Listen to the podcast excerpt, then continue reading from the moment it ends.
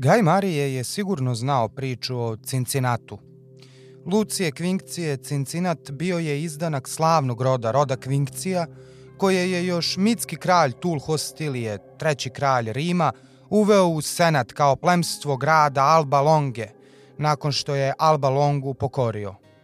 Juliji, kojima je pripadala Marijeva žena i njen bratanac Gaj Julije Cezar – uvedeni su kao patricijski rod Alba Longe zajedno sa Kvinkcijima u senat, što svedoči o drevnosti roda Marijeve tazbine.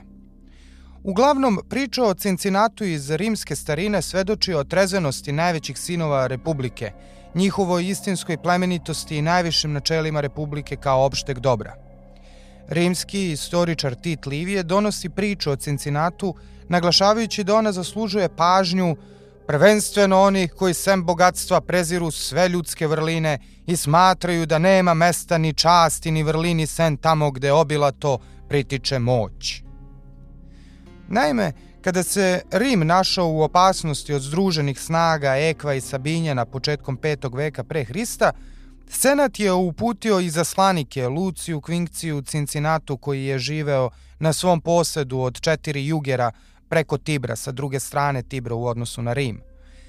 Kada su mu izaslanici došli, zatekli su ovog kako obrađuje zemlju. Dok je ili kopao jarak nagnut nad svojom motikom ili orao, u svakom slučaju bio zabavljen obradom zemlje, pozdraviše ga poslanici i zatražiše da odevenu togu sasluša nalog senata za svoje dobro i dobro države. Začuđen, on upita da li je sve u redu i zatraži od žene Racile da brzo iznese togu iz kolibe. Kada je istovremeno brišući znoj i prašinu, kada se odenu i pristupi im, poslanici ga pozdraviše kao diktatora, čestitaše mu, pozvaše ga da dođe u grad i obavestiše ga kakva je panika zavladala u vojsci. Tako Tit Livije opisuje taj sudnji dan kada je Lucije Kvinkcije Cincinat pohitao u odbranu Rima kao njegov spasilac. Drugim rečima, rimski senat je imenovao Lucija Kvinkcija Cincinata izdajući dekret Senatus Consultum Ultimum za diktatora, magistrata bez kolega sa izvanrednim ovlašćenjima, neograničenim imperijumom, odnosno vojnim ovlašćenjima, i potestasom, odnosno ovlašćenjem da sudi, na period od šest meseci da izvede državu iz krize. Prema legendi, Cincinat je uspešno porazio neprijatelje za Rima za svega 16 dana i potom vratio diktatorska ovlašćenja Senatu. Za ovu priču će mnogi istoričari od struke reći da su je izmislili starodrevni rimski istoriografi. Ipak, priča o Cincinatu nam zapravo više govori o Rimu nego tobož stvarni događaj, jer čak i ako izmišljena, a mi ćemo verovati da nije, ona svedoči da su čitave generacije Rimljana verovale da je ipak nesebična žrtva za državu i jednostavan život najispravniji odnos rimskog građanina prema republici, te da su baš takve bile generacije koje su od Seoceta na obalama Tibra, kakav je Rim bio u drevno Rime, napravili najmoćniju italsku državu. Međutim, Cincinat je i više od toga. On simbolizuje čvrstu vezanost aristokratije za zemlju, obradivo polje. I sam je arhetipska slika seljaka koji drži čitavu državu na svojim ramenima – koji promišlja o državi i proliva za nju krv, znoj i suze. Priča o Cincinatu je nadahnjivala generacije kroz vekove sve do naših dana. Na primer, Herbert Vivian, čuveni britanski putopisac i autor knjige Serbija, raj siromašnih, jednog od prvaka Narodne radikalne stranke Dimitrija Katića, koji se u pauzama između dve političke bitke vraća svom plugu, poredi upravo sa Cincinatom – Amerikanci su u čast ovog rimskog diktatora, dok su još bili pobunjenici, a pre nego što su postali naslednici imperije, podigli grad u Ohio i nazvali ga Cincinnati. Nema sumnje da je dakle i Gaj Marije znao priču o starom rimskom generalu i diktatoru, ali za razliku od njega Marije nije mogao odoleti blagodetima vlasti. No, među tolikim častoljubivim i na vlast i raskoš slabim prvacima rimske države, Marija teško da je mogao drugačije izboriti svoje mesto pod zvezdama, osim putem koji je već pošao, neumornom i neprestanom borbom za mesto prvog među rimskim građanima.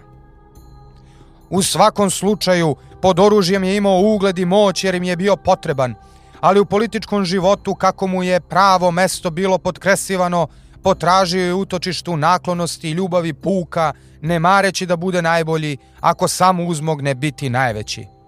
Piše Plutarh o Marijevoj političkoj karijeri. I svakako ova Plutarhova rečenica da nije mario da bude najbolji nije samo puka odrednica za razumevanje političkog umeća, nego jasno skretanje pažnje da Marije nije mario za to da bude prvi među optimatima, odnosno najboljima. Ovo je nastavak priče o Gaju Mariju i ogorčenom ratu koji je vodio sa svojim bivšim saborcem Jugurtom i o tome kako je postao treći osnivač Rima. Ja sam Tiosav Purić i vi slušate nastavak serijala o padu Rimske republike podcasta Višak istorije.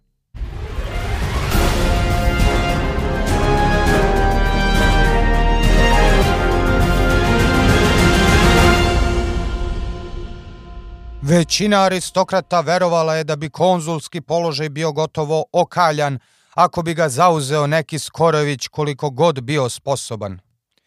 Kaže Salusti u spisu o Katelininoj zaveri. Ali uskoro će ovaj stav aristokratije biti na testu. U prošloj epizodi napustili smo Jugurtu nakon što je, ubivši svog brata Adherbala, upao u prestonicu Numidije Cirtu i pobio italske trgovce time dajući jasan signal Senatu i rimskom narodu da se ne boji Rima. Međutim, zagljušujuće čutanje Senata je narodu pretereno smrdelo na korupciju, naročito ako se ukrsti sa govorkanjima da je jugurta lake ruke kada je podmićivanje u pitanju. Narodni tribuni su zahtevali da se preduzmu konkretni vojni koraci protiv numitskog kralja. I senat je popustio – Lucije Kalpurnije Bestija, konzul za 111. godinu pre Hrista, poslati u Afriku uz naređenje da digne legije. Za Bestijom je pošao i siva eminencija Metela, koga ćemo zvati Skaur, princeps senata, a vi svakako možete naći popis bitnih ličnosti u opisu videa. Dakle, Skaur, princeps senata, pošao je za Bestijom u Numidiju u kapacitetu legata – U to vreme, treba razumeti, postojale su dve vrste legata i obe je imenovao senat. Jedna vrsta senatorskih legata bili su suštinski diplomate koje bi senat slao da prenesu poruke i pregovaraju u stranim zemljama, a drugi su bili legati koje bi senat imenovao da budu u štabu glavnokomandujućeg na vojnom pohodu, te da na terenu predstavljaju interese senata.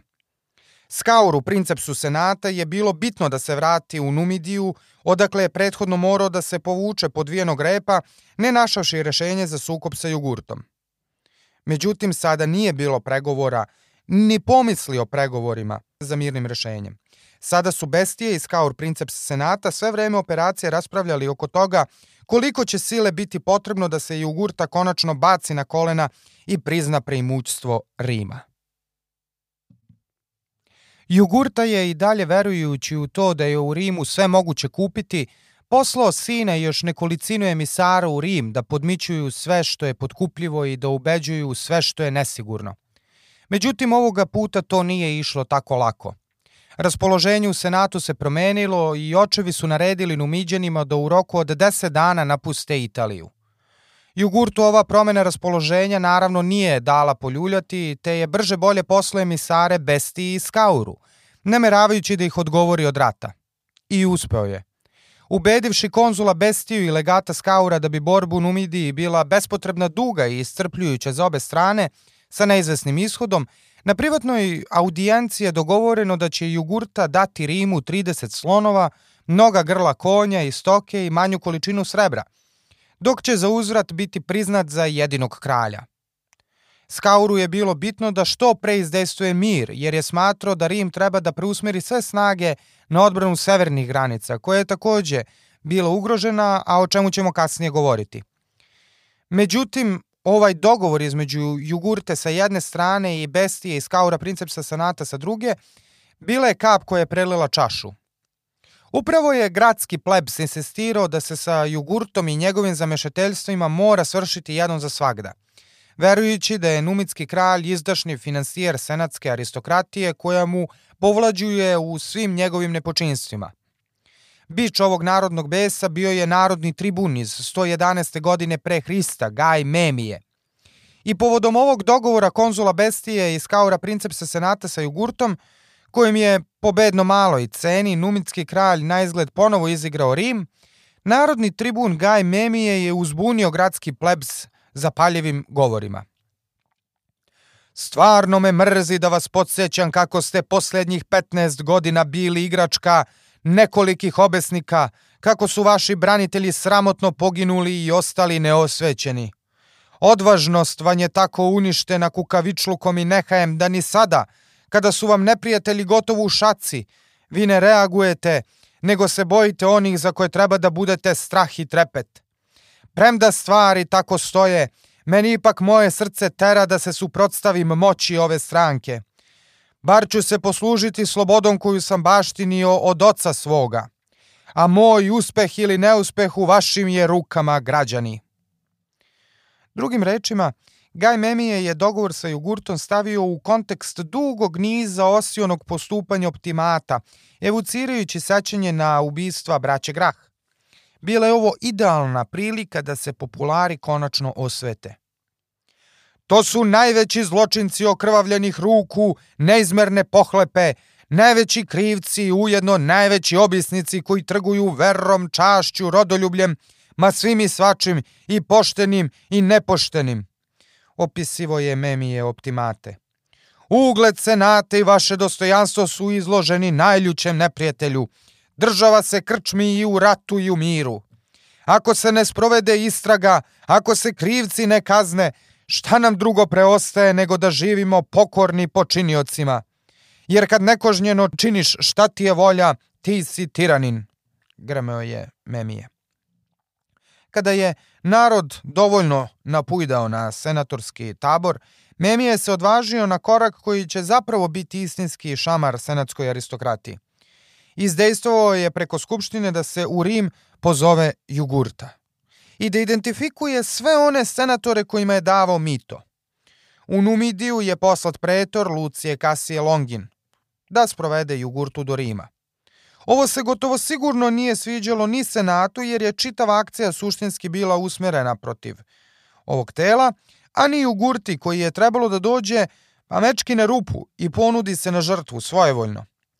Ipak, ako bi odbio, to bi bilo tumačeno kao da izdao save sa Rimom u kome je Numidija još uvek nominalno bila. Jugurta je za potrebe nastupa pred rimskim narodom navukao odere koje bi okrivljeni pred rimskim sudovima nosili kako bi delovali skrušeno i ponizno. Znao je da mu je potrebno samo da nađe jednog od desetorice narodnih tribuna i dobro ga potkupi kako bi mogao da zakoči čitav proces i spasi što se spasiti može. Jer je verovao da bi lišavanje senatske podrške za njega bila smrtna presuda. Na posledku podmitio je izvesnog Gaja Bebija, narodnog tribuna. Umeđu vremenu Gaj Memi je sazvao skupštinu i počeo da gradi svoj slučaj govoreći naširoko o tome koliko je Jugurta podmitio senat, do duše podsjećajući okupljene na skupštini da Jugurta nije tu da bi mu se sudilo, već da svedoči. Kada je Jugurta trebalo da istupi sa svojim svedočenjem, taj Gaj Bebije je uložio veto i saslušanje je moralo da prestane. Narod je bio besan, a Jugurta je odno malu pobedu i za sebe i za senat. Međutim, Jugurti nije bilo dovoljno to što se izvukao od potrebe da svedoči pred skupštinom, to je pred sudom, nego je imao nameru da u Rimu nastavi svoje akcije glede obezbeđivanja svog prestola. Numitska kraljevska loza imala je veliki broj izdanaka i mnogi su bežali od Jugurti i njegovih goniča. Među tim potomcima Numitske kraljevske loze bio je i izvesni Masiva, Gulusin sin i Masinisin unuk, koga je Jugurta želeo da se reši, kao što se rešio i Athrebala i Hiempsala, nakon što je otkrio da ovaj živi u Rimu. Kada je, dakle, otkrio da Masiva živi u Rimu, Jugurta je odlučio da organizuje atentat na njega i odlučio da delegira ovaj delikatan zadatak uklanjanja svog rođaka čoveku od poverenja, izvesnom Bomilkaru, koji je trebalo da pretrese gradski talog Rima i izvidi imali raspoloženih da posao obave. Ubice su pronađene i uredno su ti plaćeni egzekutori pratili masivu, hvatali kakve su mu navike, kako se i kojim putevima kreće i sa kim. Kada je došao odsudni čas, posao je odrađen. No ubice su izazvale opštu tuču usred bela dana i bili su uhvaćeni i izvedeni pred konzula, gde su sve naravno priznali i otkucali Bomilkara. Konzul je jedva dočekao čitavu situaciju nadajući se da će konačno moći da, da okrivi Jugurtu. Jugurte naravno sve optužbe uz osmeh odbacivo i porico da ima bilo kakve veze sa pokušajem atentata na njegovog rođaka i čak je predao 50 talaca kao garanciju da će se Bomilkar koji je okrivljen pojaviti pred sudom. Naravno, Bomilkara je odmah poslao u Numidiju i kada je Senat otkrio da je Bomilkar nestao iz Rima, naređeno je i Jugurti da napusti grad. I tada se dešava kultna scena iz istorije Jugurtinog rata koju opisuje Salustije koji kaže Priča se da kad je Jugurta izlazio iz Rima, često se čutki osvrtao, gledao na Rim i najzad rekao Podkupljivog li grada, prodaće se brzo samo da nađe kupca. To je bio pretposlednji put da je Jugurta za života video Rim. Ali hajde da Jugurtu za, za, za trenutak ovde ostavimo. Spomenuli smo opasnost koja je na Rim vrebala sa severa. Negde 120. godine pre Hrista pleme Kimbra, germansko pleme, napustilo je svoju domovinu u današnjoj Danskoj. Sada, kao i kada govorimo o, o velikim seobama naroda u vreme pada zapadnog dela Rimskog carstva, u 4. i 5. veku posle Hrista, treba razumeti da kada govorimo o seobama tih naroda ne govorimo samo o ljudima pod oružjem, a isto je važilo i za Kimbre. Naravno, među Kimbrima je bilo i ratnika, ali bilo i žena, dece, stoke, bolesnih, starih i tako dalje. Drugo, ovo pleme koje je Tacit eh, mnogo kasnije, pišući o Germanima, skoro vek i po kasnije, smešta negde na Baltičkoj obali, nije bilo etnički monolitno. Kao i druga velika germanska plemena, bilo je ovo zapravo konfederacija naroda koji su priterani istom mukom oformili zajedničku vlast i krenuli u seobu. E sad, zašto su se Kimbri selili? Pa zašto bi ikom u prvom veku pre Hrista trebalo razloga da se seli iz hladni kamenite Danske u sredozemlje? Ali šalu na stranu naučnici ne mogu da se usaglase oko konkretnih razloga zbog kojih je do ove seobe došlo, ali je izvesno da su do 113. godine pre Hrista Kimbri došli do severoistočnih padina Alpa u današnjoj Sloveniji. Svestan ove pretnje, Senat je Kimbrima u susret poslao konzula Gneja Papirija Karbona, brata izdejice Graha i pređašnjeg člana agrarne komisije sa Flakom i Gajom Grahom, Gaja Papirija Karbona. Dakle, poslao je njegovog brata Gneja Papirija Karbona na čelu nekoliko legija. Gnej Karbon je odlučio da sa sigurne udeljenosti legijama prati kretanja Kimbra, čiji se broj u tom trenutku kretao između 2 i 3 stotine hiljada ljudi, dakle radi se o jednoj velikoj masi ljudi. I vrlo verovatno da Kimbri nisu želeli da uđu u Italiju jer je pitanje da li su karbonove legije predstavljale bilo kakvu opasnost po takvo ljud, ljudstvo, te je sasvim sigurno da je postojala volja kod Kimbra da bi oni sa lakoćom pregazili karbonove legije i ušli u Italiju. No na posledku su Kimbri poslali izaslanike Karbonu i objasnili mu da ne traže nikakvu kavgu, nego zemlju koju bi naselili. Karbon im je tada obećao da će im pomoći da dođu do Galije i dao im je vodiče koji će ih sprovesti kroz Alpe na sigurno, do grada Noreje, odakle će im put biti otvoren ka dalje na zapad ka plodnim ravnicama Galije. Međutim, ispostavilo se da su ovi vodiči zapravo imali zadatak da Kimbre zavlače i da ih na posledku uvedu u klopku koju je Karbon kod Noreje planirao da im postavi. E sad, da li je konzul imao ideju da Kimbri predstavljaju opasnost po Rim koja se s mesta mora ukloniti, ili ga je privlačila slava triumfa koja bi ga očekivala da je potukao tako nadmoćnjeg neprijatelja, pitanje. No, bilo kako bilo, Karbon je napravio zasedu kod Noreje, ali ga je brojčano nadmoćnija vojska Kimbra jednostavno pregazila nanevši mu nezapamćeni poraz. Rimljani su se povlačili u haosu. U to vreme Senat je već tretirao severnu granicu Rima kao slabu tačku republike.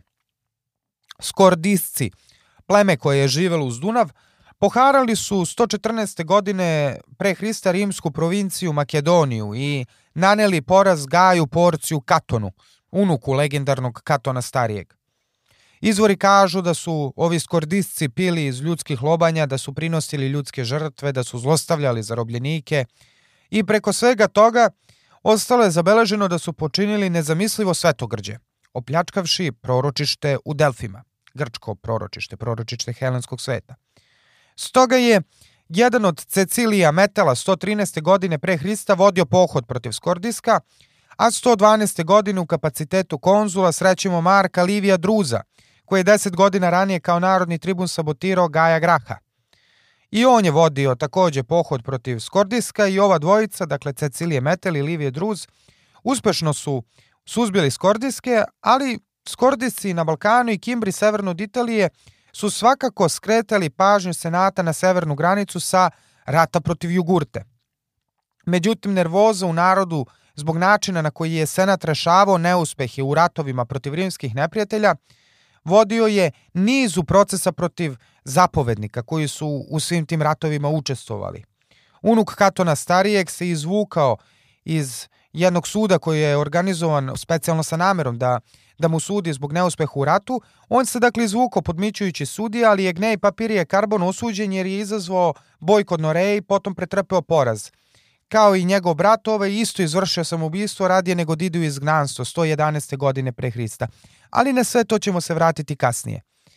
Za to vreme, dokle, dok se drmala granica, severna granica Rimske republike, Jugurta je dizao vojsku u Numidiji. Senat je sa svoje strane želeo da brzo okonča rat u Numidiji i dokrajči jogunastog Jugurtu. Zato je poslao konzula sa svežim legijama. E, Jugurta je tada pribegao jedinom ratu koji je bio moguć u takvim uslovima, gerilskom ratu. I uspeo je da odnese veličanstvenu pobedu nad Rimljanima. Razloge za ovaj poraz Rimljana ponovo možemo da tražimo u nekompetentnoj komandi. Izvesni Spurije Postumije Albin, konzul koji je dobio ovlašćenje od senata da ratuje protiv Jugurte, vratio se zbog izbora u Rim i ostavio komandu svom bratu, Aulu Postumiju Albinu, koji je u tom trenutku bio samo pretor. Moguće u potrazi za svojim udelom u slavi pobede nad Numitskim kraljem, pretor Aul Albin krene u pohod na numitski grad Sutul, u kome se nalazila numitska riznica. Jugurta je uspešno gerelskom taktikom uspio da najpre odvuče pretora Aula Albina od cilja, dakle od toga grada Sutula, i na posledku ga zaskočio tokom jedne noći u logoru, u rimskom logoru u januaru 109. godine pre Hrista. Premda i tebe i tvoju vojsku držim između gladi i mača, ipak ću, opominjući se nestalnosti ljudske sudbine, ako sklopimo mir, dopustiti da svi nepovređeni prođu ispod jarma. Numidiju imaš napustiti u roku od deset dana, rekao je Jugurta zarobljenom pretoru. Nametanje ponižavajućeg prolaska ispod jarma samo pokazuje koliko je Jugurta zapravo bio kivan na Rimljane. Ovaj udarac Senat nije mogao da toleriše i odlučio se da sledeće godine pošalje novog zapovednika za rat protiv Jugurte. Bio je to Kvint Cecilije Metel, poslednji u nizu konzula iz ove uticajne plebejske loze. Ovaj, konkretno Kvint Cecilije Metel, služio kao kvestor 126. pa kao tribun 121. Edil 118. i kao pretor 115. godine pre Hrista, Kadimarije. Kada je stupio na dužnost, konzula, Metal se najpre suočio sa problemima manjka ljudstva za legije. Znamo, poznato iz izvora da je zaobišao nekoliko ograničenja za regrutaciju tako što je produžio trajanje služenju u legijama na više od šest godina i pomerio neke starosne granice, ali ne znamo detalje. No izvesno je da je kao aristokrata verziran u forumskoj politici i senatskoj, a ustoji pravi sin svoje loze, razumeo da ne može bez dobrih saradnika da uradi mnogo. Stoga je ponudio poziciju legata jednom od najsposobnijih komandanata koje je mogao naći, Gaju Mariju. Karijera Gaja Marija je u tom trenutku već stagnirala. Ostaje otvoreno pitanje zašto je Cecilije Metel odlučio da regrutuje Marija, naročito nakon što je ovaj javno pretio jednom njegovom rođaku i uhapsio ga u zgradi senata. Slaba je verovatnoća da je Metel to učinio na ime patron-klijent relacije – Možda je želo da pošalje signal ekvestrijanskom redu da su mu potrebni, možda se nešto drugo krilo iz ove ponude, ali ipak je najlakše poverovati da je suština poziva ležala u tome što su mu zaista za ovako iscrpljujući i složen rat bili potrebni dobri zapovednici. Kada je došao u Afriku, Metel je bio najpred zatečen očajnim moralom u vojci i odmah se posvetio reorganizaciji vojske i vraćanju vojske u stanje fizičke spreme za borbu protiv jugurte – Jugurt je bio uplašen doznavši od svojih uhoda da Metela ne može potkupiti, ali je ipak u proleće 109. godine pre Hrista poslao izaslanike rimskom konzulu. Ovoga puta ponude bila iznenađujuće darežljiva. Jugurta će se, kaže, predati samo ako Metel poštedi njega i njegovu decu. Naravno, iskusna lisica Kvint Cecilije Metel se nije dao lako prevariti, nego je on uh, potkupio sad izaslanike sa svoje strane, naloživši da Jugurti isporuče poruku mira, ali da rade na tome da ga uhapse. Kako je Jugurta bio, pa izvori kažu i savremeni istoričari paranoičan, ali zapravo dobro shvatio da mu rade o glavi, lako je izbegao postavljenu zamku i shvatio da je jedini način da pobede Rimljane da ih dobije zapravo u bici. Metel je krenuo u ofanzivu, kada je konačno malo vojsku povratio u stanje borberne gotovosti i uspio je čak da nametne jednu bitku Jugurti, ali se Jugurta povukao. Rimljani su onda počeli da grade fortifikacije, ali je Metel tada dobio loše vesti, da Jugurta po numitskoj unutrašnjosti diže novu vojsku. E tada je Metel shvatio da rat neće biti dobijen okršajem u nekoliko velikih bitaka, već će morati, naprotiv, polako da steže obruč oko zemlje dok konačno numitskog kralja ne istera na čistac. A šta se za to vreme dešavalo u Rimu, poslušajmo Salustija. Umeđu vremenu u Rimu narodni tribun Gaj Mamilije Limetan predlože narodu da se povedu istrage protiv onih koji su savetovali Jugurtu da se ogluši o senatske odluke, onih koji su kao poslanici ili vojni zapovednici primili od njega novac, onih koji su predali slonove i prebege i onih koji su sa neprijateljem sklapali ugovore o ratu i miru. Jedni, svesni svoje krivice i drugi, bojeći se opasnosti proistekle iz stranačke mržnje, nisu se mogli javno suprotstaviti ovom predlogu. Time bi priznali da odobravaju te i slične stvari pa su se trudili da smetnje prave tajno preko prijatelja, a naročito preko Latina i italskih saveznika. Neverovatno je kako se plebs energično i odlučno borio da se predlog usvoji i to više iz mržnje prema plenstvu koje je hteo da ojadi nego iz brige za državu. Dotle je išla stranačka netrpeljivost. Kraj citata. Ovo je zapravo bio nastavak intenzivne borbe koju je narodni tribun Gaj Memije počeo protiv Patricija. Gaj Mamilije bio je njegov saborac koji je osnovao dakle ovu čuvenu Mamilijevu komisiju koja je bila strah i trepet optimatske stranke za period koji sledi. U ovoj komisiji sedeli su vitezovi, dakle ne plemstvo, i bilo je, bila je namerena da se osveti senatu ne samo za nepočinstva u odnosima sa Jugurtom, što je bio povod, nego i za nepočinstva iz vremena i od vremena braće Grah. Prva žrtva ove komisije bio je, naravno, naš stari znanac, Lucije Opimije, koji je kao pretor sravnio Fregelu sa zemljom 125. godine pre Hrista, a 121. povao pravi mali građanski rat ili ulični rat, možemo čak da kažemo, protiv Gaja Graha i Fulvija Flaka, koji se okončao time što su ova dvojica pogubljena. Luci Opimije je osuđen za primanje mita od jugurte i prognanje iz grada. Sledeći na redu, naravno Mamilijeva komisija nije tu stala, sledeći na redu bio je Lucije Kalpurnije Bestija, konzul koji je 111. godine pre Hrista sklopio mir sa Jugurtom. Ovoga je branio lično Marko Emilije Skaur, princep senata, koji je u ostalom kao legati služio pod Bestijom, ali Bestija je uprkos uh, takvoj odbrani, prestižnoj, osuđen i prognan. Isto tako su osuđeni prognani Gaj Porcije Katon, koji je komandovao rimskim snagama u sukobu sa skordiscima 114. godine pre Hrista, i Spurije Postumije Albin i njegov brat, dotad samo pretor Aul Postumije Albin. Sve u svemu, Mamilijeva komisija je osudila i prognala četvoricu uticenih konzulara. Opimija Bestiju, Gaja Porcija Katona i Spurija Postumija Albina. Bilans je bio više nego dobar za plebs, koji je sada prolazio kroz potpunu euforiju političkog triumfa. Rad ove komisije u ostalom poslužio je i Salustiju kao inspiracija da napiše knjigu Jugurtin rat. Ali više od toga ova komisija je tako prošla kroz senat, kao nož kroz sir, taktikom spržene zemlje, da je optimatski tabor potpuno reterirao i pružio mogućnost za uspon ljudima novog kova, homonovusima, kao što je bio Gaj Marije. Severna granica, međutim, za sve to vreme nije mirovala, naprotiv. Kimbri, kojih nije bilo četiri godine nakon nanošenja sramotnog poraza Rimljanima kod Noreje, sada su se ponovo pojavili na severnim granicama, te je Senat delegirao Metelovog kolegu konzula Marka Junija Silana da okupi vojsku i kreni im u susret. Kimbri su u jednom poslanstvu Senatu zatražili zemlju koju bi mogli da nasele ponovo, ali im je Senat naravno dao odričan odgovor.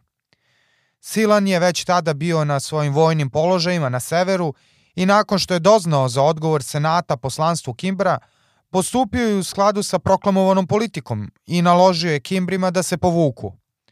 Ovo je naravno izazvalo borbu između germanskog plemena i Silanovih legija, u kojoj je ponovo čitava rimska vojska bila uništena.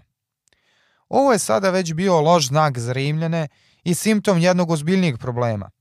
Sreća po njih, ipak, Kimbri nisu pokazivali interesovanje za Italiju, već su se povukli ka Galiji, gde su rimski saveznici počeli polako da im prilaze. Obruč oko Rima se na izgled stezao. Za to vreme na južnom frontu u Numidiji Metel je pribegao istom gerilskom ratovanju koje je preduzeo Jugurta. Mali odredi rimske vojske terorisali su sva naselja za koje je postojala sumnja da su lojalni Jugurti. Jugurte pokušavao da uzraća svojom gerilskom taktikom, ali je sve to delovalo neodlučno.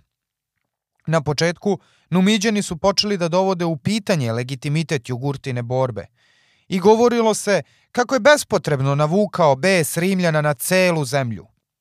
Metel je, osjećajući ovu promenu raspoloženju naredu, posegnuo za saradnicima u najbližem Jugurtinom okruženju. Našao je saradnika u Bomilkaru, bliskom Jugurtinom čoveku od poverenja koji je organizovao ubistvo Masive u Rimu. Sada je ovaj Bomilkar bio spreman da izda svog kralja. Nakon što je stupio u kontakt sa Metelom i pristao na saradnju, počeo je Jugurti da predstavlja crnilo koje je vladalo zemljom. Govorio mu je da se Rimljani ne mogu pobediti, da je zemlja u ruševinama i da je narod nezadovoljan. Na posledku Jugurte je pristao da se preda, ali je Metel bio neumoljiv. Tražio da se Jugurta sam preda na milost i nemilost Rimu uz 200.000 funti srebra, sve slonove kojima je raspolagao i ogromnu količinu konja i naoružanja. Sve je to dakle morao da preda Rimu na tacni. Međutim, kada je čas za predaju došao, Jugurta se predomislio i pobegao u duboku unutrašnjost zemlje, gde ga Rimljani svakako nisu mogli naći. Metelu je ovo bio sveukupno uzevši dobar znak jer je verovao da mu je Jugurta na dohvat ruke. Uz to, Senat mu je produžio mandat u Numidiji za još godinu dana. No umeđu vremenu Gaj Marije je vrebao svoju priliku za uspinjanje na mesto konzula. Otkako je znao za sebe, Gaj Marije je stremio ka najvišem zvanju i ta prilika mu se u dotadašnjoj karijeri činila neuhvatljivom. Ali nisu svi tako mislili. Kad je bio dete, Marije je navodno, opazivši kako gnezdo pada sa visine, potrčao i uhvatio gnezdo ogrtačem. U njemu je bilo, navodno prema priči koja nam je ostala, sedam orlića. Kada je odnao roditeljima gnezdo, Gaj Marije stariji i Fulcinija pomislili su da je to poruk od bogova, pa su potražili mišljenje, jel te, stručnog lica. Žrec je prorekao tada da će Marije biti konzul čak sedam puta. Naravno, i Marijevi roditelji mislili su ono što je Marije verovatno mislio kada je kretao za Afriku, da je jednostavno takvo dostojanstvo nedostupno jednom homo novusu kakav je on bio. Međutim, Mamilijeva komisija toliko je uterala strah u kosti rimskim patricijama od poraza i povećala uloge, da se sada sve činilo mogućim. Magistrature više nisu bile samo igralište za aristokratiju. Za neuspeh u odbrani interesa države mogle slediti žestoka sankcija, pa bi konzular, odnosno bivši konzul, lako mogao da prođe kao opimije i dobije egzil ili kao karboni da izvrši samoubistvo. Međutim, godina dana služenja pod metelom podsjetila je vojsko i oficire da je Marije ipak čovek izuzetnog kova, sjajan vojnik, voljen od strane legionara i spreman da izdrži svakojake napore sa vojnicima. Izvajao se kao zapovednik, ali i otvorenošću prema ratnicima, od kojih nije zazirao kako su to aristokrate umele sa prezirom pogledom, prezrivim pogledom sa visine. Početkom 108. godine pre Hrista Metel je vojnim poslom poslao Marija u Utiku. Naišavši na Haruspika, etrurskog žreca koji proriče budućnost iz utrobe životinja, Marije ga je upitao svoju budućnosti, na što mu je Haruspik odgovorio. Sferom u bogove, radi ono što si namerio i sreću svoju, što češće kušaj i sve će ti za rukom polaziti. Ovo je bio očigledan znak Mariju da treba da posegne za konzulskom magistraturom. Umeđu vremenu je Metelu senat, kao što smo rekli, produžio imperijum, dakle ovrašćenja vojskovođe za rat sa Jugurtom za još godinu dana. I za Marije je ovo bio sjajan trenutak da traži otpust iz rata i da ide u Rim i da se kandiduje za konzula. Međutim, Metel je bio, blago rečeno, zatečen ovim zahtevom. Ostalo je zabeleženo da je rekao Mariju da ne žuri, te da će biti konzul kad i Metelov sin, koji je tad bio tek dečačić, što će reći nikad. Savjetovo je takođe svom legatu da se ne nastoji da se uzdiže iznad položaja koji mu prema rođenju pripada. No Marije se nije dao smiriti. Obuzeli su ga, kako kaže Salustije, pohlepa i bes. Mada ne možemo ga osuđivati jer je sigurno s pravom smatrao da mu pripada najviše zvanje. Tako je počeo da se prema vojnicima odnosi blago kako bi im se još više umilio, dok je među trgovačkom aristokratijom u utici širio glasine o Metelovoj nekompetentnoj komandi u ratu i o tome kako bi on, Gaj Marije, za kratko vreme rešio rat protiv Jugurte. Bio je u to vreme u rimskoj vojsci još jedan izdanak numitske kraljevske porodice, ali slabouman i bolešljiv, kraljević po imenu Gauda. Gauda je tražio od Metela da mu ukaže dužno poštovanje kao legitimnom numitskom kralju, što je Metel odbio, pa je Marije prilazio i ovom Gaudi i njemu obećavao kraljevski presto samo ako dobije priliku za da on povede rat protiv Jugurte. Rat će biti gotov za nekoliko dana, odzvanjalo je kroz redove vojnika u Numidiji. Naravno, tu, tu, tu buvu je puštao Marije, ali, ali ne samo i među vojnicima u Numidiji, nego i u Rimu. Rat će biti gotov za nekoliko dana, govorilo se, samo ako Gaj Marije dobije komandu. No, dok je Marije agitovo da dobije otpust i ode u Rim da se kandiduje za konzula, Jugurta je organizovao, nastojao da organizuje svoju odbranu i podstakao je numitski grad Vagu, koji su Rimljani okupirali, na pobunu. Lokalno stanovništvo je pobilo čitav rimski garnizon osim izvesnog Tita Turpilija Silana. Kada je Metel saznao za ovu pobunu Vage, u zimu 109. na 108. godinu pre Hrista, dojezdio je sa vojskom i lako povratio grad. Međutim, trebalo je rešiti šta će da se čini sa Silanom koji je čitavu pobunu preživeo. Iza zatvorenih vrata Marije je ubedio Metela da pogubi ovog Silana, a onda je počeo da govori među vojnicima kako je Metel protivpravno izrekao smrtnu kaznu, skraćujući ovom jadnom Titu Turpiliju Silanu pravo na žalbu pred Skupštinom. Ostaje naravno otvoreno pitanje kako je moguće da je Metel tako olako tretirao Marijevo ponašanje. Međutim, očigledno je da se Metel nadu da će uskoro zaista završiti rat sa Jugurtom. Naime, Bomilkar, Jugurtin saradnik, i dalje je održavao veze sa Metelom i Metel se nadao da će ovaj numitskog kralja isporučiti na tacni. Vazda pronicljivi Jugurta sa svoje strane ipak ispravno procenio šta mu se sprema i pogubio Bomilkara. Metelove nade su se time raspršile. Tada je, shvativši da će se rat protiv Jugurta odužiti, Metel odlučio da dozvoli Mariju da napusti Numidiju, nadajući se da će time ukloniti smetnju koju bi Marija potencijalno predstavljao u nastavku vojne kampanje protiv Jugurte. Kad je Marija otišao, Metel je odlučio da nastavi vojnu kampanju. Jugurta se tokom 108. godine pre Hrista povukao u Talu, grad u samom središtu Numidije i poslednje veliko numitsko sklonište. Metel je sa vojskom krenuo na Talu i činilo se da je nemoguće postaviti opsadu oko grada, pošto je u tom kraju jedini izvor pijaće vode bio u samom numitskom utvrđenju koje je opet stajalo na vrhu jednog brda. Međutim, kiša je pala kao dar od bogova Rimljana i e, Rimljanima i opsada je sprovedena. Kada je tala konačno pala, Jugurta je Avaj već bio pobegao. Sve što je bilo vredno pljačkanja, prvaci, gradski prvaci Tale su skupili u dvoranu u samom središtu grada – tamo priredili sebi poslednju večeru i potom spalili dvoranu sa sobom unutra i svim dragocenostima. Jugurta je pobegao, a Metelu je ponovo uskraćena pobeda. Ali Tala je bila poslednje uporište u takozvanim civilizovanim zemljama, koje je stajalo na raspolaganju Jugurti. Ovo je sada morao da beže među nomade planine Atlas.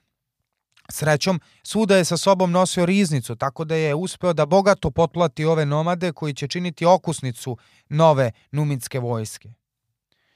U to vreme negde Jugurte počeo da stupa i u kontakt sa Bohom, kraljem Mavretanije na teritoriji današnjeg Maroka, sa kojim je bio povezan i dinastičkim vezama, mada izvori nisu saglasni oko toga da li je Jugurta oženio Bohovu čerku ili je Boh oženio Jugurtinu čerku. Bilo kako bilo, deleći sentiment prema Rimu, Jugurti i Boh su lako našli zajednički jezik, dogovorivši se da prva meta njihovog novog vojnog saveza bude Cirta, prestonica Numidije koju su Rimljani učinili svojim glavnim taborom. Metel je, doznavši za ovaj savez, pisao Bohu o prevrtljivosti numidskog kralja, na što je srušeno, skrušeno odgovarao kako se mora naći jel te mirno rešenje za sukob između Rima i Numidije i tražio pomilovanje za Jugurtu. Međutim, dok su Metel i Mavretanski kralj Boh razmenjivali pisma, Metelu su stigle vesti iz Rima. Marije ne samo da je izabran za konzula, nego mu je dodeljena komanda u ratu protiv Numidije nakon glasanja Narodne skupštine. Ali kako se sve to desilo? Gaj Memije sa suđenjem 111. godine pre Hrista, narodni tribun Gaj Memi i narodni tribun Gaj Mamilije Limetin sa komisijom i suđenjima konzularima 109. godine pre Hrista, raščistili su put za uspon Skorevićima, homonovusima raznih vrsta.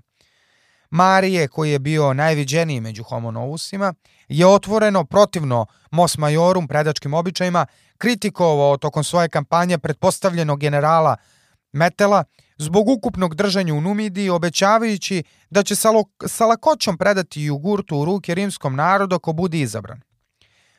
Ovo je bilo manje više dovoljno da pobedi na izborima za konzula. Međutim, kada je izabran za konzula, Marije je tek tada počeo sa napadima na optimate i senat. Evo šta je govorio o njima.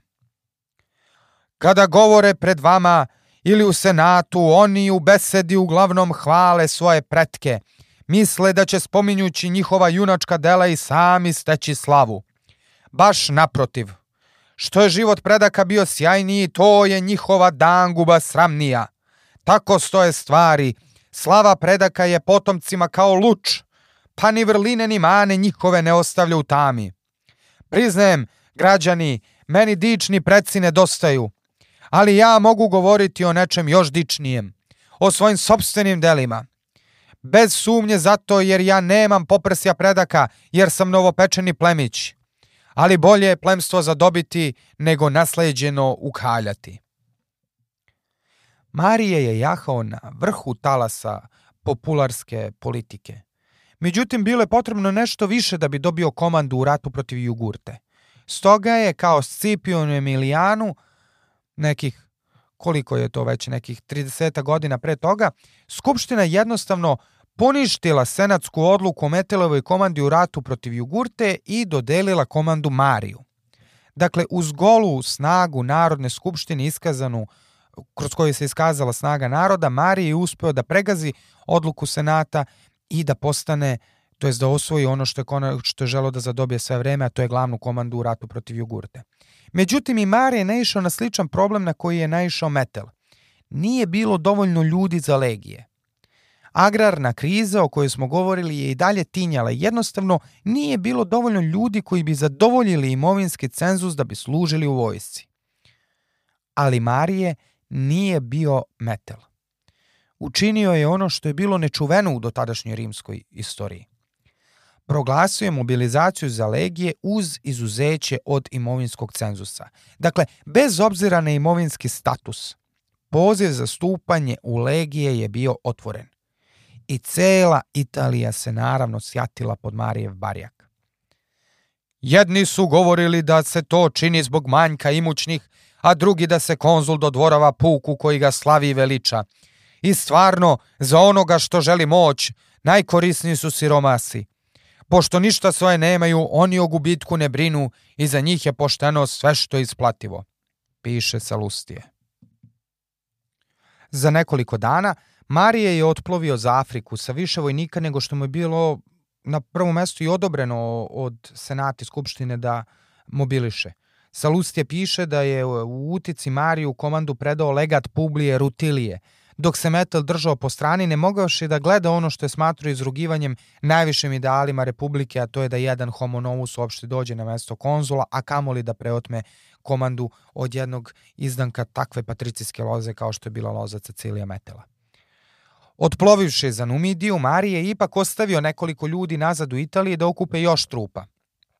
Ostavio je konkretno I tu dolazimo do najenigmatičnije ličnosti iz epohe rimske revolucije. Dakle, Marije je u uh, zaleđu ostavio kvestora, tada kvestora, Lucija Kornelija Sulu. Sulino ime i danas upečatljivo odzvanja u glavama izučavaoca rimske istorije. Ovaj izdanak osiromašenog ali ponosnog roda Kornelija počeo je svoj uspon ni od čega, posjedujući tek svoje drevno ime – Bilo je sedam patricijskih porodica koje su pripadale rodu Kornelija, a Sulina porodica je bila najsiromašnija među njima. Sula je mladost proveo družeći se sa onim što bismo mogli nazvati društvenim talogom Rima, dakle sa glumcima i prostitutkama. Sa jednim glumcem, Grkom koji niti je bio muško, niti je bio žensko, Metrobijem, Sula je održavao intimne odnose do svojih poznih godina, čak i kad se oženio i dobio decu. Sulin otac se postario da njegov sine nauči grčki, naravno da izuči osnove besedništva i književnosti, ali kad mu je otac umro, Sule shvatio da nema novca da krene u svoj uspon na rimskoj političkoj lestvici. Međutim, život među najnižim slojima Rima mu se na posledku isplatio. Sula je najpre postao naslednik neke bogate udovice sa kojom imao ljubavnu aferu, koja se zvala Nikopolja, i malo šta drugog osim toga znamo o njoj, a u isto vreme desilo mu se da je mu i maćeha umrla i ostavila mu nasledstvo. Na jednom Sule imao dovoljno finansijskih sredstava da počne uspon s kursus honorum, te je pobedio na izborima za kvestora za 107. godinu pre Hrista. Umeđu vremenu oženio se izvesnom Julijom, za koju se pretpostavlja da je bila sestra Marijeve žene Julije, te stoga možemo zaključiti da ga je Mariji po rodbinskoj liniji uzeo kao pratioce, to je kao kvestora, na pohodu u Numidiji. Međutim, ne želivši da mu taj Briđokosi, Sivooki, Patrici kvari ratnu sreću u Numidiji, Marija ga je ostavio u pozadini dokupi konjicu i kad taj posao obavi da a, dovede novu vojsku u Numidiju. Za to vreme Marije je dakle već prisezao u Numidiju, ali uskoro shvatio da ipak neće moći da tako brzo okonča rat kako je obećavao. Meteli senac su naravno na sve ovo likovali. Po povratku u Rim, Metel je izdejstvovao od senata da mu doda naziv Numidik za zaslugi u ratu protiv Jugurte. Pa se tako zvao Kvint Cecilije Metel Numidik. Ipak, narod imao svog prvaka i to je bio Gaj Marije. U Rimu u to vreme, eto i po tome vidimo kao da su vođene dve nevezane politike. Dok je Metelu dodeljen triumf i novo ime, zahvaljujući njegovim podvezima u Numidiji, kao da je pokorio Numidiju, Skupština je produžila mandat za komandu Mariju u ratu protiv Jugurte i na 106. godinu pre Hrista. Ali čitave godine Jugurte jednostavno nigde nije bilo, kao da je u zemlju propao. Stoga je Marija odlučio da ne miruje u mestu, nego da krene na zapad, sa teritorija dakle današnjeg Alžira u pravcu današnjeg Maroka, odnosno iz Numidije ka Mavretaniji. Osvojivši grad Kapsu na zapadu Numidije, Marije nastavio dalje na zapad i stigao, stigao napokon do reke Muluhje, koja je bila prirodna granica između kraljevstva Numidije i Mavretanije. I obsedijući neka utvrđenja duž reke Muluhje, Mariju se konačno pridružio i njegov kvestor uh, Lucije Kornelije Sula, koji je ubrzo vrlo nalik Mariju, zaslužio naklonost vojnika svojim držanjem, a uskoro je zahvaljujući izuzetnim vojnim veštinama. Najpre ustanovivši da Jugurta nije u utvrđenjima duž Muluhje, Rimljani su odlučili da se vratu u Cirtu. I tada, tek tada su konačno mavretanski kralj Boh i Jugurta odlučili da napadnu. Nedaleko od Cirte, afrički kraljevi su postavili zased u rimskoj vojsci. Međutim, zahvaljujući brzom delovanju konjice na čelu sa Sulom, zaseda je osujećena. Vojske su se na posledku postrojile i u velikom sudaru Mariji odneo odlučujuću pobedu nad Afrikancima – Boh je pobegao brže bolje natrag u Mavretaniju, a Jugurte ponovo nesto bez traga. Međutim, stanje na severnoj granici se nije popravljalo. Kimbri, su naneli poraz Silanu i povukli su centralnu Galiju 109. godine pre Hrista, ali kao što smo rekli, nesigurni rimski saveznici među varvarima počeli su da ponovo razmatruju uslove svog savezništva sa Rimljanima, dok su se neki drugi odvažili da na Rim i udare. Sam Rim je imao slabu vlast u Galiji. Galija Narbonensis, to je provincija koja se protezala od Alpa do Pirineja, uz obalu mora na današnjem jugu Francuske bila je slabo branjena, te kolega Marijev, konzul Lucije Kasije Longin, digao legije i krenuo na sever. Upravo je zbog ove dvostruke pretnje sa severa i sa juga Senat i sa lakoćom prešao preko Marijeve odluke da među najsiromašnijima potraži regrute. Dugoročno ova Marijeva odluka o formiranju suštinski profesionalnih vojski, vojski dovešće do toga da će čitave legije umesto državi svoju odanost poklanjati vojskovođi koji bi ih regrutovo i pruži, pruži mogućnost da se na pohodu pljačkom i poharom obogate. No za sada bila je to odluka na koju je Senat pristao iz nužde, jer je jedno pleme u tom trenutku iz oblasti savremene Švajcarske, izvesni Tigurini, počelo da ugrožava rimske posede. Umesto da obezbedi teritoriju, Avaj konzul Longin je odlučio da goni Tigurine koji su bežali na zapad sve do Atlantika – kada su, se, kada su dovoljno daleko odmakli i kada su navukli Rimljane duboko na neprijateljsku teritoriju, napravili su im zasedu, pogubili su uh, rimskog komandanta Lucija Kasija Longina, a komanda je iz, spala neizvesnog legata Gaja Popilija. Popilije je, kao Tiberije Grah, morao da pristane na sramotan mir, Fedus Turpiensis, samo da bi izvukao legije koje su bile uhvaćene u klopci. Rimski legionari su naravno morali da prođu ispod jarma, ali su životi legionara sačuvani. No, kao i obično, Senat nije bio reago, nije dobro reagovao na ovakvo postupanje, jer rimsko nacionalno dostojanstvo je, kao što smo do sada shvatili, bilo crvena linija za Senat. Rim jednostavno nije smeo biti ponižen. Tako da je Gaj Popilije zbog svog držanja osuđen i prognen. Senat je naravno brže bolje skrpio novu vojsku i pod komandom konzula za 106. godinu pre Hrista Kvinta Servilija Cepiona poslao na sever. Cepion je bio metafora sve truleži senatorske aristokratije koja je s razlogom gubila poluge moći koje je stekla nakon što je brod rimske države uspešno dovela do pobede 100 godina ranije u ratu protiv Hanibala. Ovaj Cepion, neki pisci kažu, stari starodrevni rimski pisci kažu da su ga i sami bogovi kaznili, a on je, njegovo nasledđe istorije tako da se za njegovo ime vezuje jedna od najvećih tragedija rimske vojske od kako je Rim osnovan pa do propasti zapadnog dela rimskog carstva. Neki, dakle antički izvori kažu da isprovocirao bogove, time što je oskrnavio blagu iz drevnog grčkog proročišta u Delfima. E sad, otkud Cepion u blagu iz Delfi kako je on došao do toga? Pa desilo se da su 279. godine pre Hrista kao skordisci vek i po kasnije Gali poharali čitav Balkan, pljačkajući i paleći sve pred sobom, uključujući svetilištu u Delfima.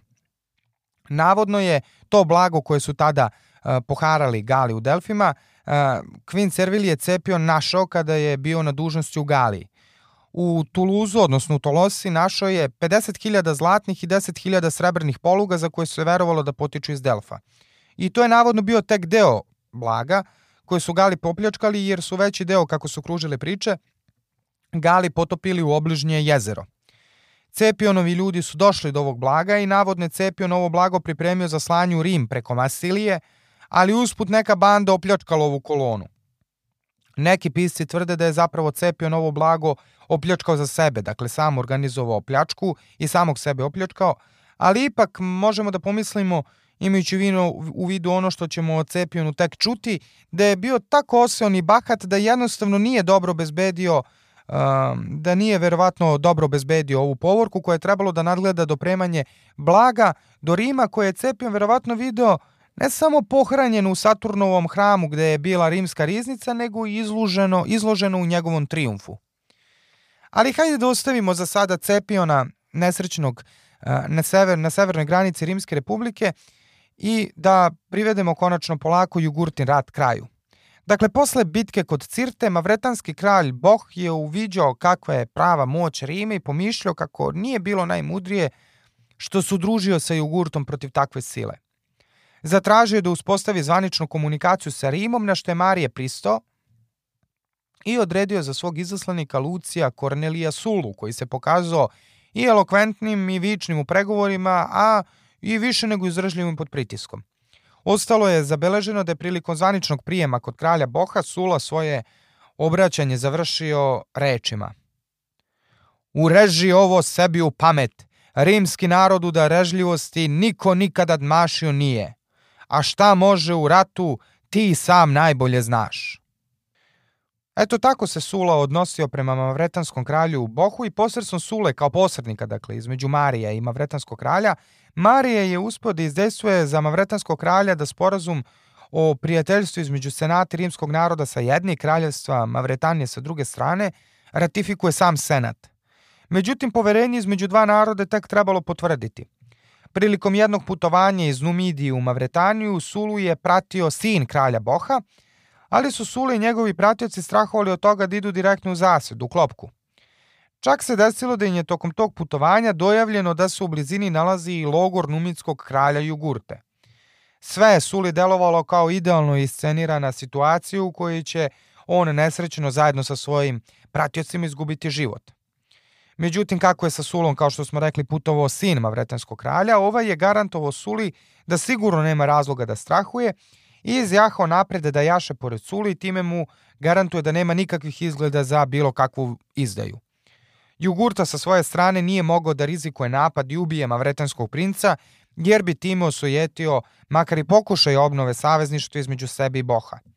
Tako je Jugurta nemo stajao i svedočio prolasku povorke na čijem čelu su bili princ Mavretaniji i njegov zakleti neprijatelj, komandant u rimskoj vojsci, čije mu ime vrlo verovatno bilo nebitno, iako će sudbina u sudnjem času kobno spojiti, kobno za jogurtu, e, Numitskog kralja i Lucija Kornelija Sulu.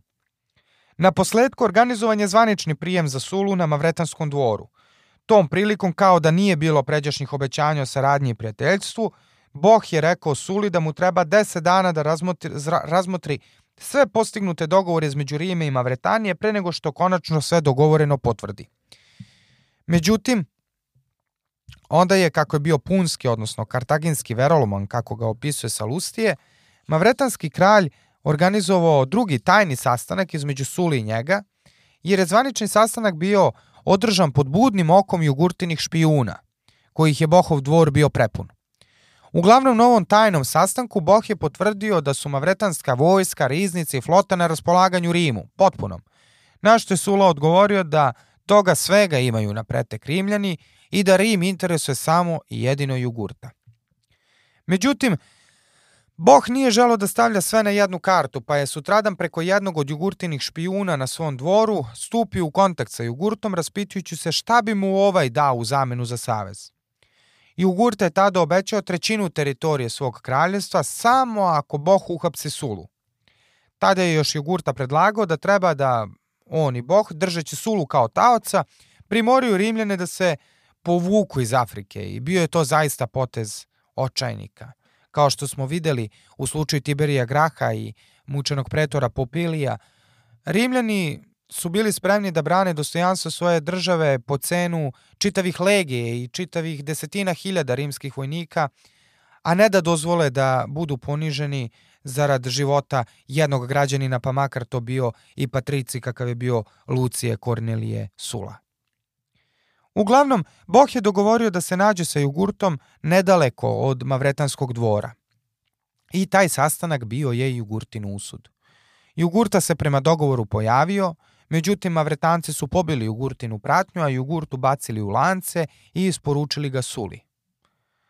Lucije Kornelije Sula se triumfalno vratio sa numitskim kraljem u lancima u rimski logor i sproveo Jugurtu do Marija. Posle 12 godina od ubistva Hijempsala i 7 godina nakon objave rata Rimu, jedan od najželavih protivnika Rimljana, numinski kralj Jugurta, sin Mastanabalov, konačno je poražen. Ako nas sudbina Jugurta i numitskog kralja ičemu uči u onom livijevskom smislu koristi istorije za pojedinci i narode da iz istorije uče šta je korisno, a šta sramni po pobudama i po posledicama – onda nas svakako uči da jednom predato na tacni u klijentalskom odnosu nacionalno dostojanstvo i državna samostalnost teško mogu biti povraćeni bez gigantskih napora koje opet moraju da podnesu oni koji su već stasavši kao klijenti, kao vazali ovde već preslabi za borbu za oslobođenje. I još jednom se potvrđuje Polibijevo poređenje između slavne propasti Kartaginjana koji su svi do jednog izginuli, sagoreli Andrić bi rekao poput suvog lista, i Grka koji su postali robovi u rimskim vilama. Drugim rečima, kako smo već to saželi u priči o padu Kartagine, bolje grob nego rob. Jugurta je to možda shvatao, ali je prekasno shvatio onu istinu koju je izrekao Marko Furije Kamil, koji je tokom galskog napada na Rim u 5. veku pre Hrista ubeđivo ispravno Rimljane da ne mogu otkupiti slobodu od Gala zlatom, rekavši čuvene reči gvožđem, a ne zlatom spasit ćemo otačbinu. Jugurta je pokušao i gvožđem i zlatom, ali bilo je to premalo i prekasno. Rim je Numidiju napravio i Numidija je imala pravo na samostalnost samo u meri u kojoj je Rim to dozvoljavao. Ni pedalj više od toga. Malo je razloga ipak bilo za radost u Rimu, jer su se mračni oblaci sa severa nadvijali nad Rimskom republikom. Rekli smo da je Cepion bio paragon truleži senatorske aristokratije. Njemu je ostala komanda u Galiji po isteku konzulskog mandata, a kao ispomoć mu je poslat Gnej Malije Maksim, konzul za 105. godinu pre Hrista. Kao i Gaj Marije i Gnej Malije bio je homo novus, novi čovek, kakvih je bilo puno tih godina nakon što je Mamilijeva komisija dakle isprašila tureve senatorske aristokratije i uskratila im monopol na magistrature. Međutim, kada je Gnej Malije poslat sa vojskom Quintus Serviliju u Cepionu, Cepion je trebalo da se kao prokonzul stavi pod komandu Gneja Malija, kome je kao naravno konzulu pripadalo vrhovno zapovedništvo na bojnom polju. No Cepion je odbio da se povinuje ovom zakonu pod izgovorom da se neće povinovati on ponosni izdanak Servilija Cepiona nekom Skorojeviću. Za to vreme Kimbri koji su Rim već porazili kod Noreje 113. godine, pa ponovo 109. godine pre Hrista vojsku Junija Silana, su se ponovo pojavljivali na obzorju, kao da se novi ciklus od četiri godine zatvarao i 105. godine pre Hrista Kimbri su ponovo zapretili Rimu. Jednu izvidnicu vojske Gneja Malije su sa lakoćom Kimbri satrali, što je bio jasan znak Ribljanima da su u blizini. Međutim, Cepion ne samo da je odbio da se stavi pod Malijevu komandu, nego je odbio i da pređe Ronu koja je razdvajala dve rimske vojske, jednu dakle pod Cepionovom komandom, a drugu pod Malijevom, te da se svi Rimljani sjedinu u jednu silu koja bi mogla da se kako tako nosi sa Kimbrima. E upravo ova odluka Cepion o tome da ne želi da pređe reku se ispostavila fatalnom. U oktobru 105. godine pre Hrista kod Arauzija na reci Roni, Kimbri su naneli žestok poraz Rimljanima. Izdeljeni na dva dela, Kimbri su njih na stotine hiljada udarili svom snagom na Rimljane i pobili između 60 i 80 hiljada legionara sa još 40 hiljada pratećeg personala vojnih logora. Ono što su sebi svojom brojnošću mogli da dozvole, dakle Kimbri da sa obe strane reke udari istovremeno na Rimljane, to Rimljani nikako nisu mogli da dozvole sebi. Razlog poraza bio je dakle, u tome što se jedan patrici uh, Cepion nije želao poniziti, kako je tvrdio, i staviti se pod komandu Homonousa, konzula Gneja Malija Maksima. Redko ko je preživo ovu klanicu kod Arauzija.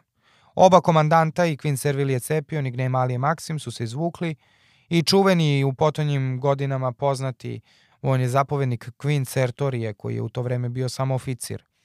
No Kimbri su opet naučili pameti Rimljane, ali su kao i prethodnih puteva odbili da napadnu Italiju, već su nastavili svoj put kao da ih interesuje da samo primoravaju Rimljane da ne, pušt, da ne napuštaju Italiju ni po koju cenu.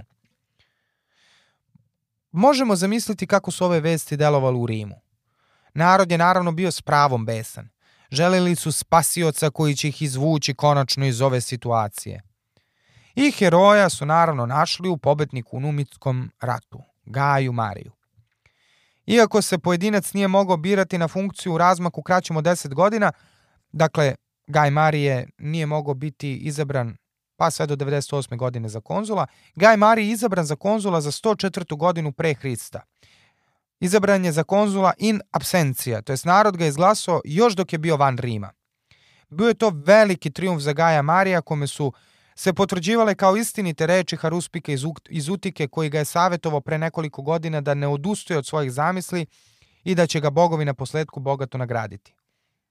Novu godinu, dakle 104. godinu pre Hrista, Marije je proslavio veličanstvenim triumfom kakvi u Rimu nisu viđeni od vremena osvajanja Kartagini i Korinta – a krunski dragulj u triumfalnoj povorci bio je sam numitski kralj kojim su Rimljani sada paradirali kao još jednom od egzotičnih afričkih životinja. I ko zna kako je Jugurti delovao taj grad koji je poslednji put video pre toliko godina, predskazujući mu da će se prodati samo kad nađe kupca. Marije je izgleda kupio Rim svojim izuzetnom harizmom i vojnim uspesima, ali se sada pojavljivao na obzorju političke rimske politike još jedan lik. Bio je to Đokose Sivooki, Patrici, Lucije, Kornelije, Sula. Naime, kako bi se sitno osvetili Mariju, senatori su podboli Sulu da istakne priču o tome kako je on zapravo uhvatio jugurtu. E sad treba razumeti da je običaj bio u Rimu da sva čast i sva sramota tokom pohoda idu glavnokomandujućim. Dakle, i sve zasluge, sva krivica mu je pripisivana njemu, to je glavnokomandujućim. Međutim, Sulina priča o tome kako je uhvatio jugurtu kao da je malo pomračila Marijevsko sunce. Sula je otišao tako daleko da je scenu hvatanja jugurte predstavljao kao lični amblem. Bila je to klica jednog od najčuvenijih sukoba Rimske republike koji se još uvek nije jasno nazirao, ali se mogao naslutiti. No Marije nije imao kada da čeka da se bavi sulinim sitnim izgredima, već je odmah svoju pažnju usmerio na ključni problem u tom trenutku, a to je bilo pitanje rešavanja bezbednosti severne granice. Cepionova vojska je bila potpuno uništena, tako da je Marije morao da se osloni na vojsku koju je umeđu vremenu prikupljao kao rezervu Publije, Rutilije, Ruf, kolega konsul Gneja Malija Maksima.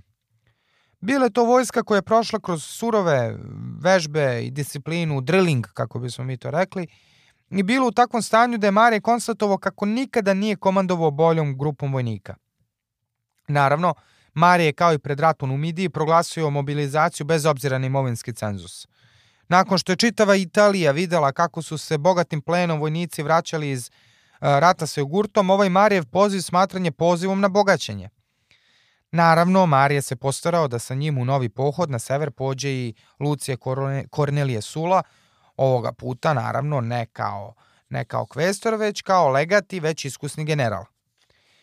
Kada je okupio vojsku, Marija je krenuo na sever i utvrdio da se na Roni kod, uh, utvrdio se na Roni kod Arelate, današnjeg, današnjeg Arla. Tamo će čekati dve naredne godine na povratak Kimbri iz njihovog dugog lutanja po Španiji i jugozapadnoj Galiji, ali upravo u ovom čekanju utvrđen kod Arla, Marije će ostvariti neke od najvećih reformi koje će zaovek suštinski promeniti rimsku taktiku i suštinski doprineti formiranju vojske koje će do kraja prvog veka posle Hrista zagospodariti čitavim sredozemljom. Naime, Marije je prokopao najpre oko samog grada relate velike kanale koji su obezbeđivali da se vojska za vreme boravka u logoru stabilno snabdeva. Ti kanali bili su maltene doskora plovni. Nametao je rigidan sistem vežbi, pa su tako ovi vojnici koji su bili u tom trenutku pod Marijevom komandom poneli ime Marijeve mule. Ovaj naziv posjeća sinonim za izdržljive vojnike koji su spremni na velika fizička pregnuća u vojci Rimske republike.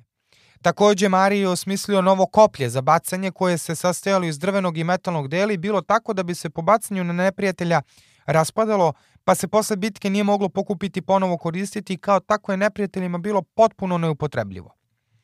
104. godina pre Hrista je došli prošlo dok je dok se Marije bavio pripremom uh, povećavanjem fizičke spreme svojih vojnika i svojim ratnim izumima, Dakle, čitava godina je došla i prošla, a Marij je izabran za konzuli za 103. godinu pre Hrista.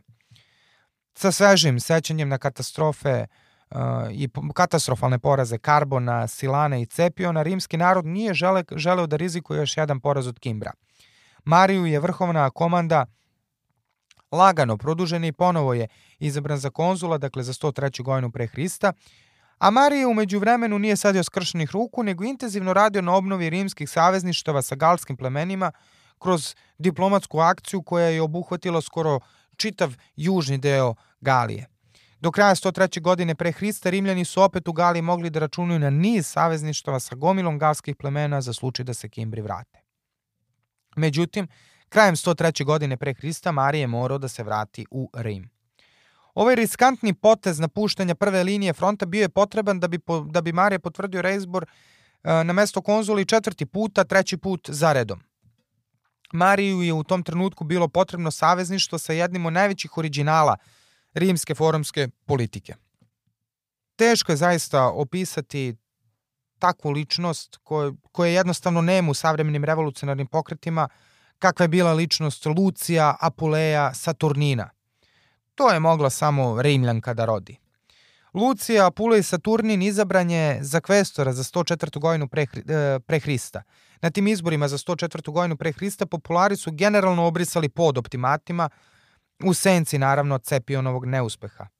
Naravno, Cepion je izbačen iz senata po jednom zakonu koji je tada doneta, prema kome svaki konzul kome bi Skupština oduzela konzulat bio izbačen iz senata. Cepionu su odmah posle Arauzija oduzeta prokonzulsko vlašćenja i dakle on je po tom zakonu izbačen iz senata. Potom je izveden pred sud pod optužbom da je ukrao i zlato iz Tolose, ali je, koje smo dakle pominjali, pokradeno zlato koje su Gali pokrali iz Delfa, ali je porota mahom sastavljena od senatora oslobodila Cepio na optužbi.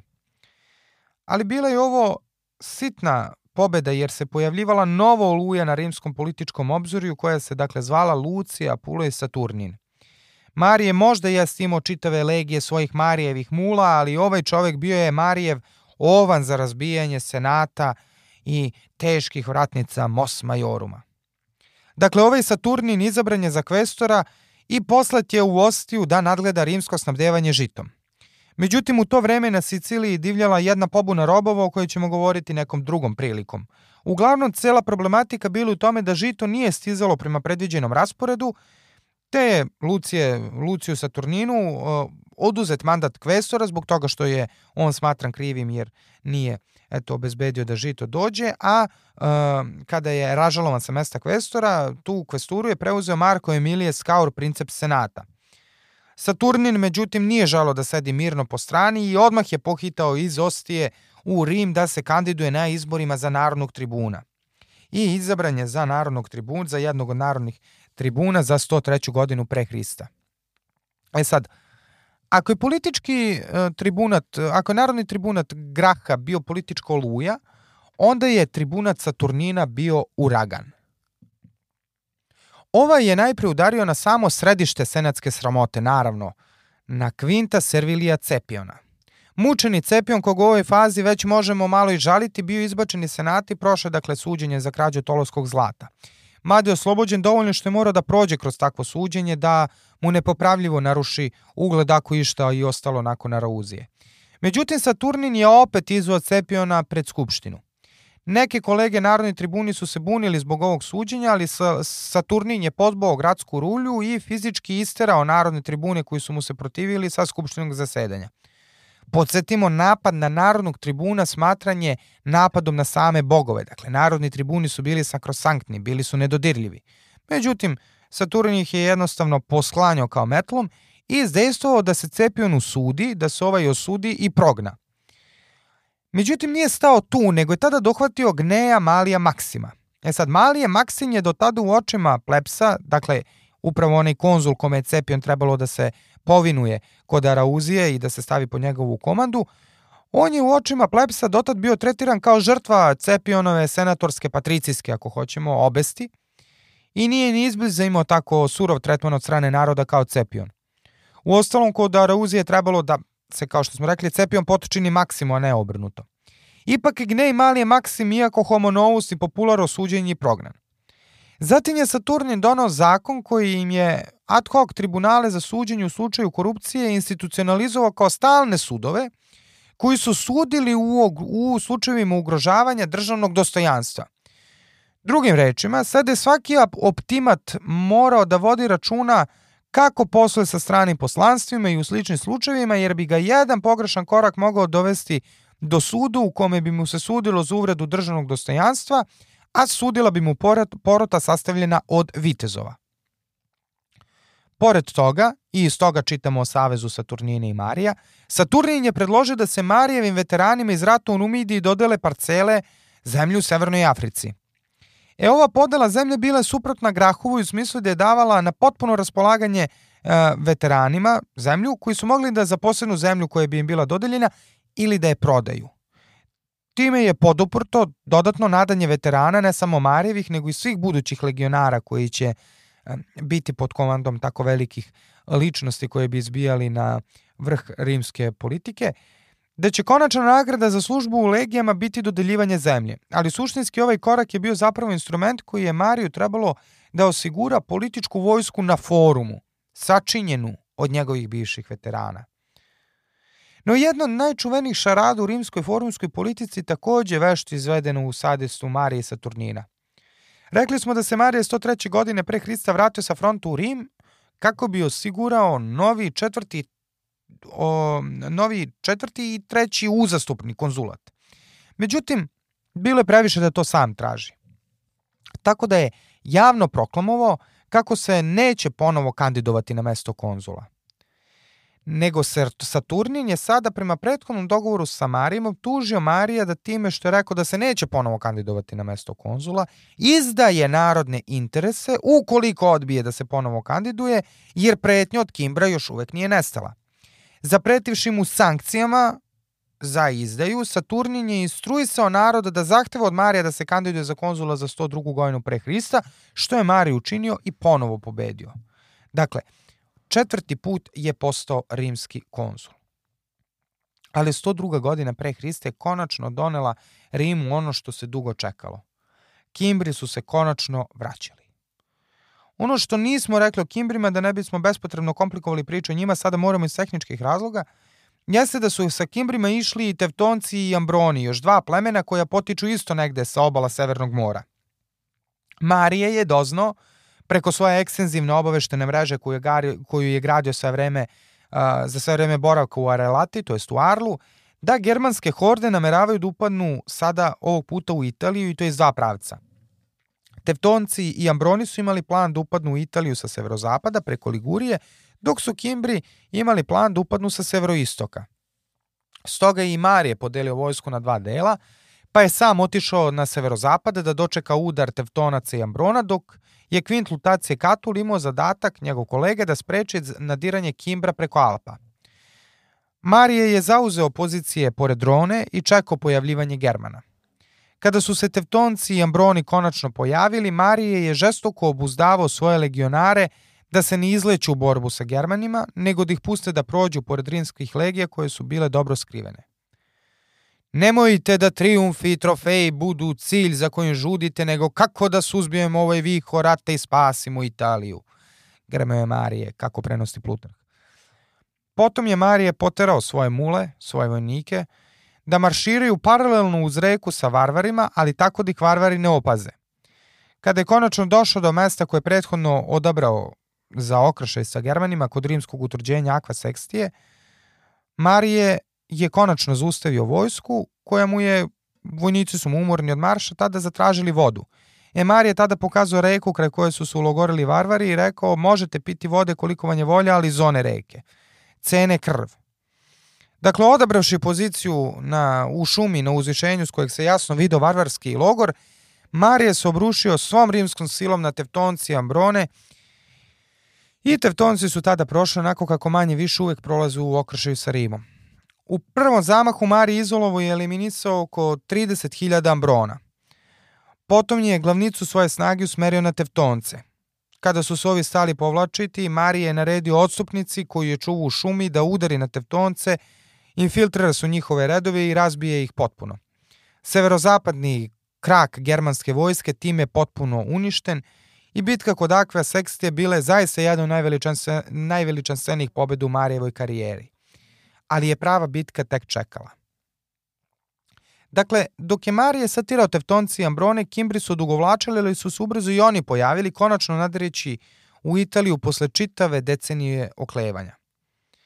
Dakle, Kvint Lutacije Katul, Marijev kon, kolega konzul, trebalo je da drži severoistočni pravac prodora i imao je kao ispomoć Lucija Kornelija Sulu, koji je pažljivo pripremao čitav savez galskih plemena na severu Italije da podrže rimsku vojsku kada dođu Kimbri.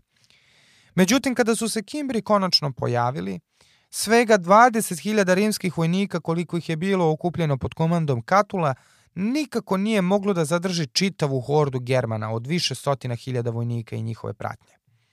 Odbrana se naravno rasula, ali je Katul uspeo da izvuče vojsku iz planina i da izgradi niz utvrđenja na reci Adiđe, južno od Alpa.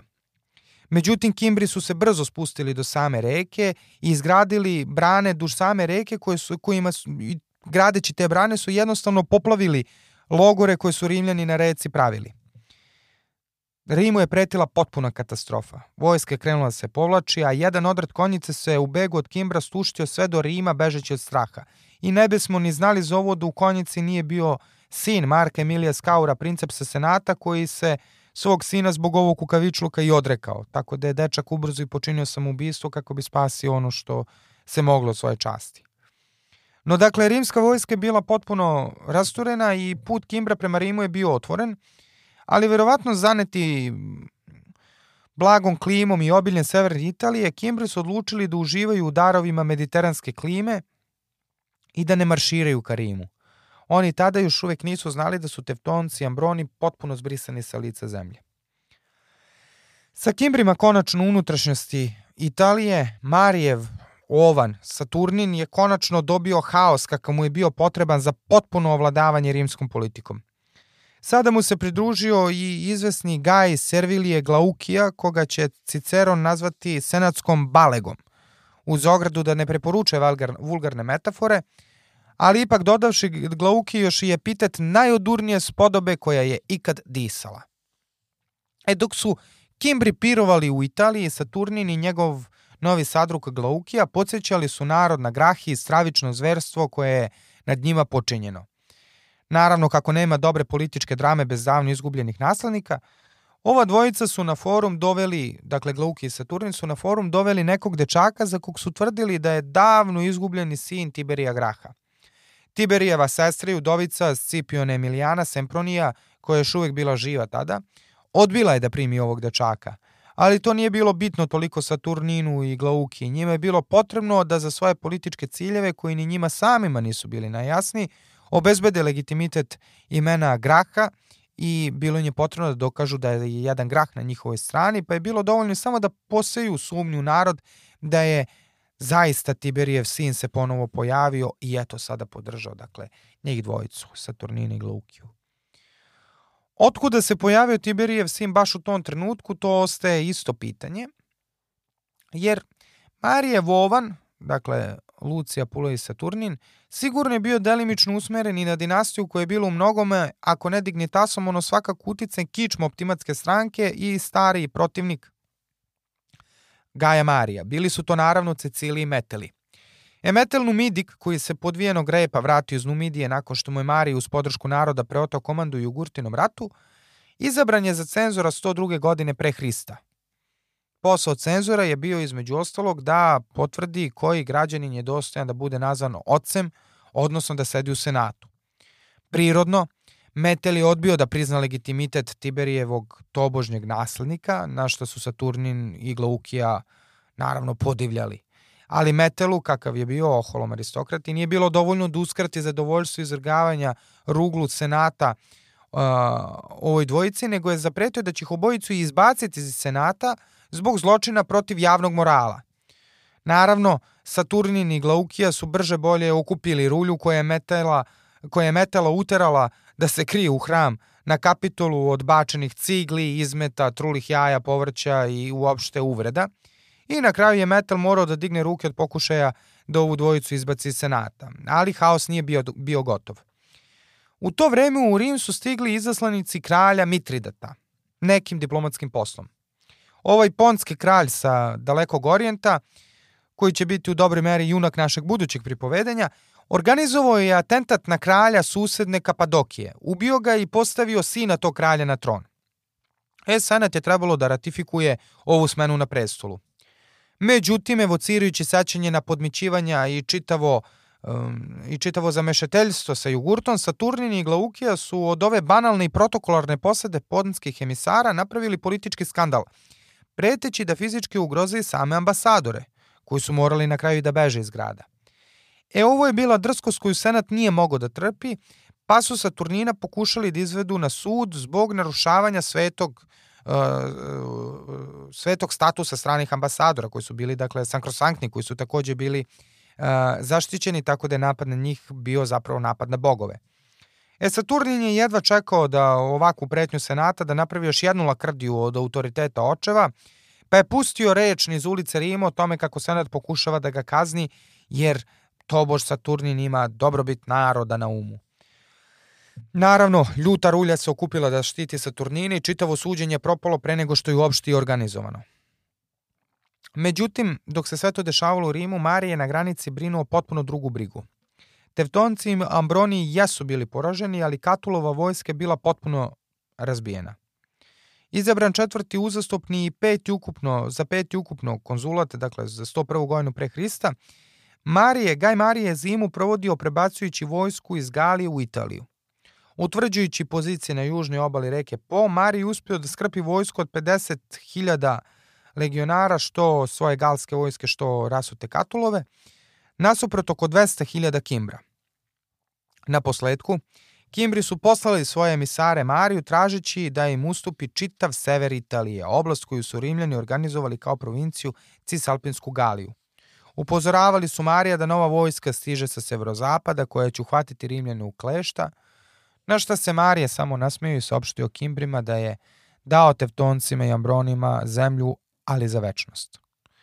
Kako Kimbri nisu verovali da su im saborci potučeni, Mari izvao pred njih i proparadirao zarobljenim vođama Germana. Kimbri su se povukli i na posledku posle nekog vremena poslali ponovo emisare, te zatražili tom prilikom od Marija da bira mesto i vreme na kome će se konačno dve vojske su sučeliti.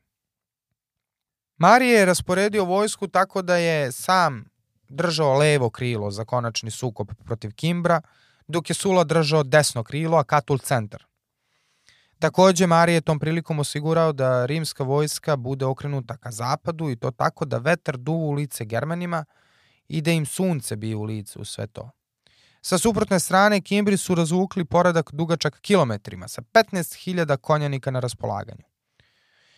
U memoarima koje su Sula i Katul ostavili iza sebe, tvrdili su kako su oni vodili veći deo borbe dok se Marije izgubio negde u ratnoj pomami.